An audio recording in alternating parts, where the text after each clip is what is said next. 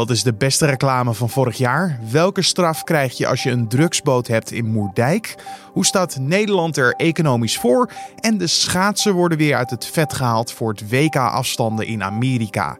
Je hoort het al, er staat een hoop te gebeuren vandaag. Dit wordt het nieuws. Het is zeker niet uh, 1, 2, 3 en uh, Holladier de hele tijd met oranje. Zeker als je bijvoorbeeld naar uh, vorige week kijkt, Wereldbeker Calgary. En dat is niet een geweldige indicatie, want er was niet iedereen, er reed niet iedereen, er werden niet alle afstanden gereden. Niet iedereen probeerde alles het best, maar ja, daar waren de buitenlanders toch echt beter dan de Nederlanders. Op de snelste ijsbaan ter wereld begint vandaag tot en met zondag het belangrijkste toernooi van het schaatsseizoen. Dan heb ik het over het WK afstanden in Salt Lake City. Waarom nu sportverslaggever Daan de Ridder wat voorzichtig is met zijn voorspellingen voor de Nederlandse ploeg? Dat hoor je zo. We gaan er namelijk uitgebreid over verder praten. Maar eerst kijken we kort naar het belangrijkste nieuws van nu. Mijn naam is Carne van der Brink en het is vandaag donderdag 13 februari. In de Chinese provincie Hubei zijn woensdag zeker 240 mensen overleden aan de gevolgen van het coronavirus. Het is het hoogste aantal sterfgevallen tegelijkertijd tot nu toe. Ook het aantal besmettingen met het virus in de provincie is met bijna 15.000 toegenomen. Het totale dodenaantal van het virus is verder gestegen naar ruim 1300. En woensdag meldde de Gezondheidsorganisatie nog dat het aantal besmettingen met het virus stabiliseert. China meldde toen het laagste aantal nieuwe besmettingen in twee weken tijd. Wel benadrukte de organisatie dat het einde van de epidemie nog niet in zicht is. Het Nederlandse cruiseschip de Westerdam is in de nacht van woensdag op donderdag aangekomen in de Cambodjaanse havenstad Sihanoukville. Nokville.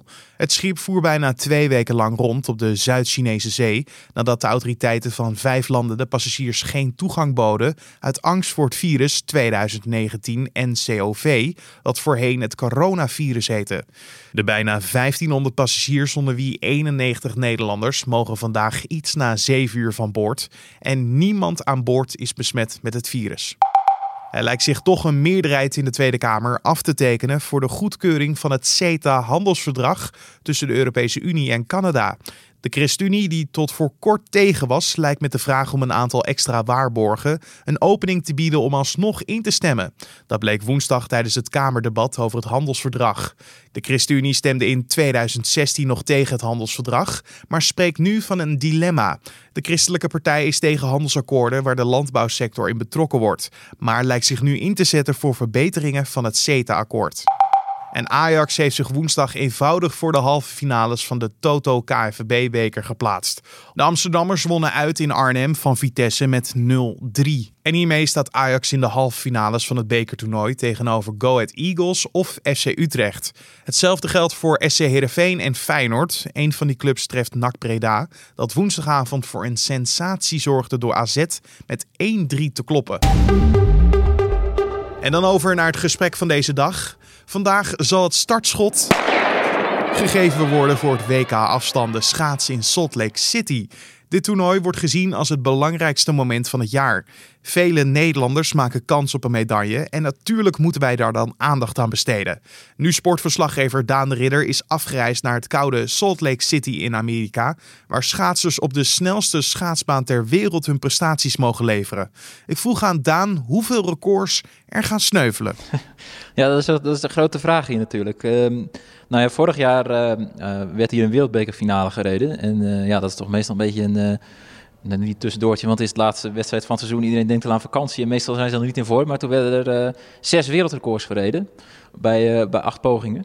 Uh, dus iedereen denkt nu dat het hier inderdaad eigenlijk nog meer wereldrecords gereden zullen worden. Want ja, de schaatsers zouden nu beter in vorm moeten zijn. Want een weken afstanden is een stuk belangrijker dan een wereldbekerfinale. En ja, jij zei net in het koude Salt Lake City, en het is hier zeker niet warm. Alleen het is hier wel iets te mooi weer.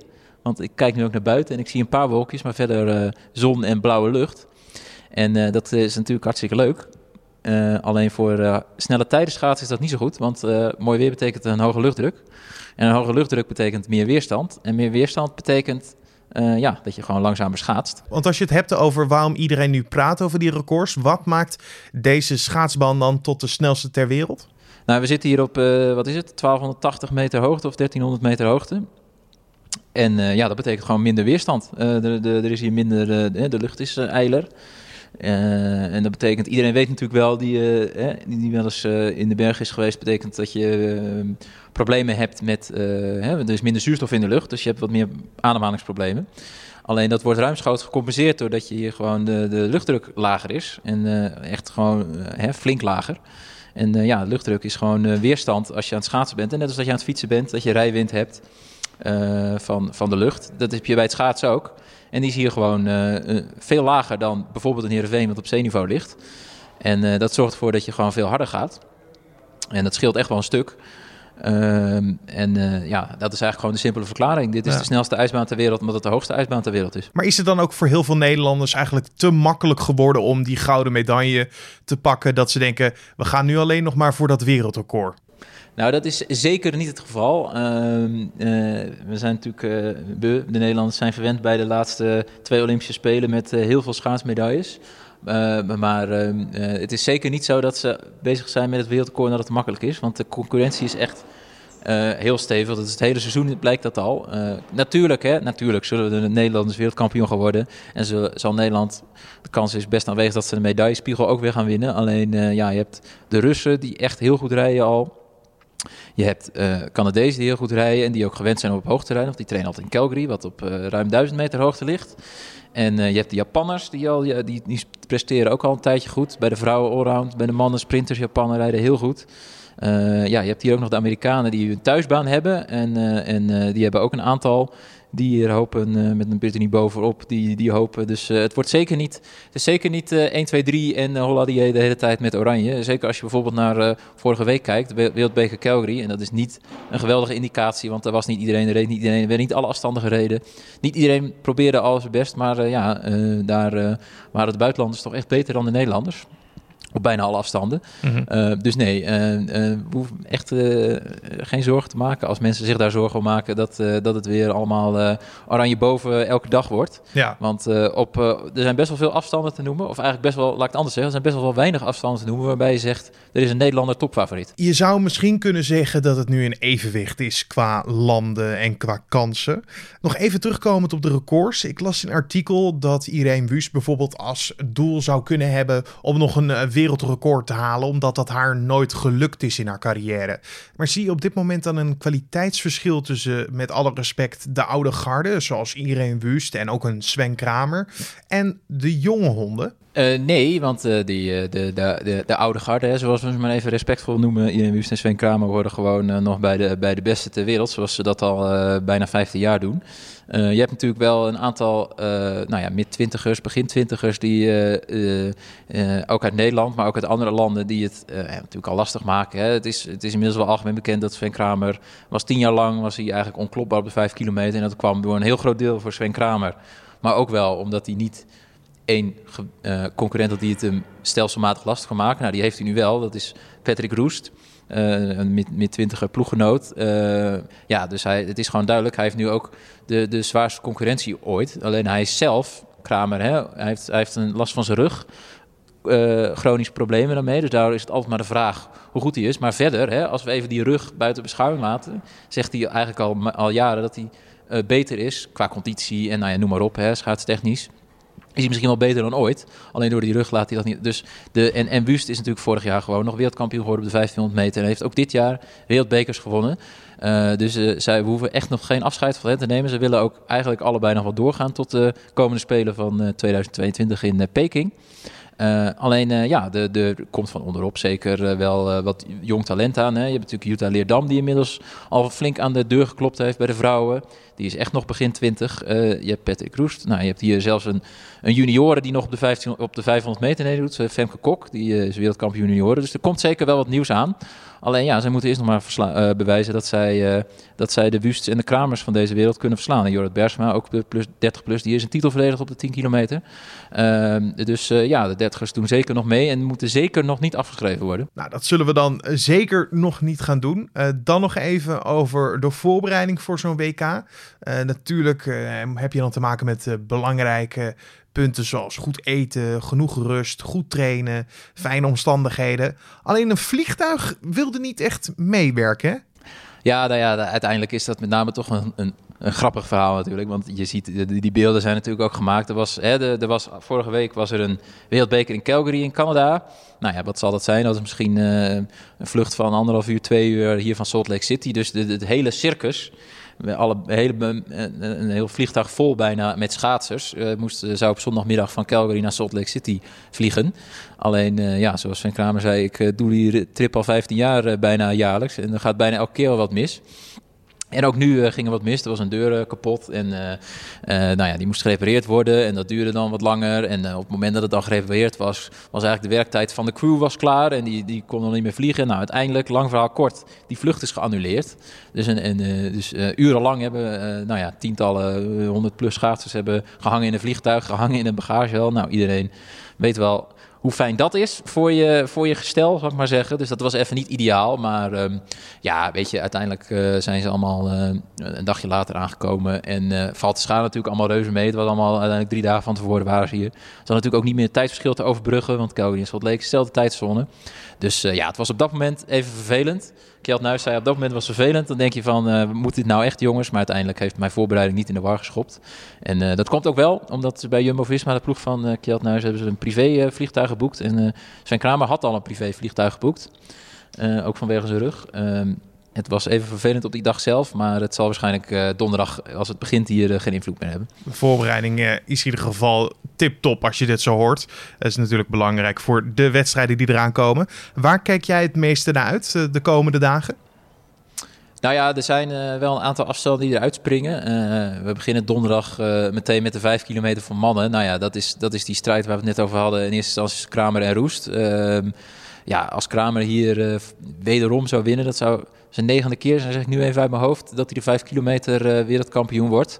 Uh, alleen ja, de afgelopen jaren was, is hij eigenlijk voorbijgestreefd en heeft hij heel veel last gehad van, van blessures en dingen. En, en ja, is hij gewoon voorbijgestreefd. En als hij dan nu, ondanks weer niet een geweldig traject hier naartoe, dat toch voor elkaar zou krijgen, dat zou wel heel erg bijzonder zijn. En je hebt Roest die nog nooit een individuele wereldtitel heeft gepakt. En dan heb je daarnaast nog Tetjan Bloemen, de wereldrecordhouder uit Canada, die opeens Hè? Even opeens. Vorige week liet zien dat hij in topvorm is. En dan heb je nog een Rus, Dennis Juskov. Waarvan iedereen hier denkt dat hij ook kan winnen. Uh, dus dat zijn vier. En plus nog een paar outsiders. Dus dat belooft echt heel erg spannend te worden. Met vanuit Nederlands oogpunt natuurlijk ook nog bijzondere verhalen erin.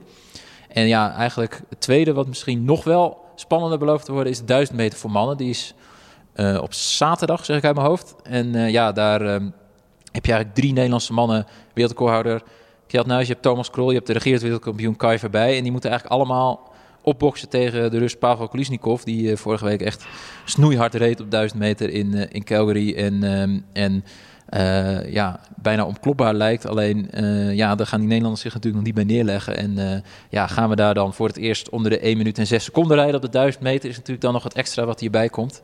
Dat is een magische barrière. Nou ja, en toch hè, die 1500 meter van Irene Wust kan ze, kan ze nog een keer die, die, die stunt herhalen wat ze vorig jaar deden. Dat zou allemaal heel bijzonder zijn. Dat zijn toch wel de bijzonderste afstanden. Wil je nou precies weten wanneer een bepaalde afstand of schaatser aan de beurt is? Wij hebben daar een handig artikel over geschreven en deze kan je vinden in de beschrijving van deze podcast. Je hoorde vanuit Salt Lake City nu sportverslaggever Daan de Ridder. En dan kijken we nog even naar de agenda voor vandaag. Want een schipper en drie Mexicanen horen vandaag voor de rechtbank in Breda. Welke straf tegen hen geëist wordt voor hun betrokkenheid bij de drugsboot die in Moerdijk is gevonden. Op de boot werd crystal meth geproduceerd. En het was de eerste keer dat een drijvend drugslab is gevonden in Nederland. Het CBS maakt om half tien bekend hoeveel de Nederlandse economie vorig jaar is gegroeid. Hoewel in andere landen in West-Europa de economie afkoelt, is de Nederlandse economie in de eerste drie kwartalen vorig jaar nog flink doorgegroeid. En dan nog meer economisch nieuws, want de Europese Commissie maakt vandaag een nieuwe voorspelling bekend voor de economische groei. Bij de laatste keer maakte de Commissie duidelijk dat het nog wel even gaat duren voordat tijden van hoge economische groei terugkomen. De Rabobank presenteert de resultaten over 2019 en mogelijk kan de bank dan iets meer zeggen over waarom mensen zo weinig rente ontvangen op hun spaargeld. En vanavond worden voor de 25ste keer de Gouden Lookies uitgereikt. De kanshebbers voor de prijs voor beste televisiereclame zijn onder meer Jumbo, Staatsloterij, Ora, Nike, Disneyland Parijs en Albert Heijn. En er wordt ook nog gevoetbald voor de beker. In de kwartfinales van de Toto KNVB-beker staan de laatste twee wedstrijden op het programma. Om half zeven staat Go Ahead Eagles FC Utrecht op het programma. En om kwart voor negen staat SC Heerenveen en Feyenoord tegenover elkaar. En dan nog even het weer. De donderdag begint grijs en het gaat de hele dag regelmatig regenen. In delen van het land is er kans op natte sneeuw, onweer, hagel en windstoten. In de loop van de avond klaart het vanuit het westen wel iets op en het wordt vandaag maximaal 10 graden. En dan even een hele simpele vraag. Want heb jij ooit de behoefte gevoeld om met het tuinafval van Prins Charles te lopen? Als je op die vraag ja antwoordt, dan heb ik goed nieuws voor je, want het kan ook binnenkort.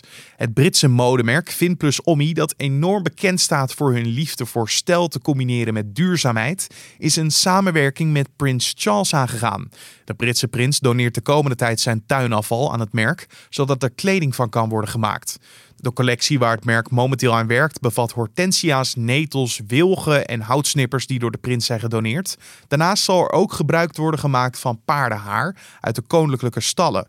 De collectie wordt volgende week vertoond tijdens de London Fashion Week. En deze opvallende creaties van Vimplus Omni zijn eerder gedragen door grote namen zoals Kate Moss, Michelle Obama, Beyoncé en Lady Gaga. En dit was dan de Dit Wordt Het Nieuws podcast voor deze donderdag 13 februari. Morgenochtend zijn we er gewoon weer om 6 uur ochtends op de voorpagina van nu.nl of in je favoriete podcast app zoals een Spotify of Apple podcast. Als je de podcast in die apps luistert, vergeet je dan niet te abonneren. Het is helemaal gratis en de podcast staat dan om 6 uur ochtends elke dag helemaal voor je klaar, zonder dat je die elke keer moet opzoeken. Mijn naam is Carne van den Brink. Ik wens je voor nu een hele mooie dag en tot morgen weer.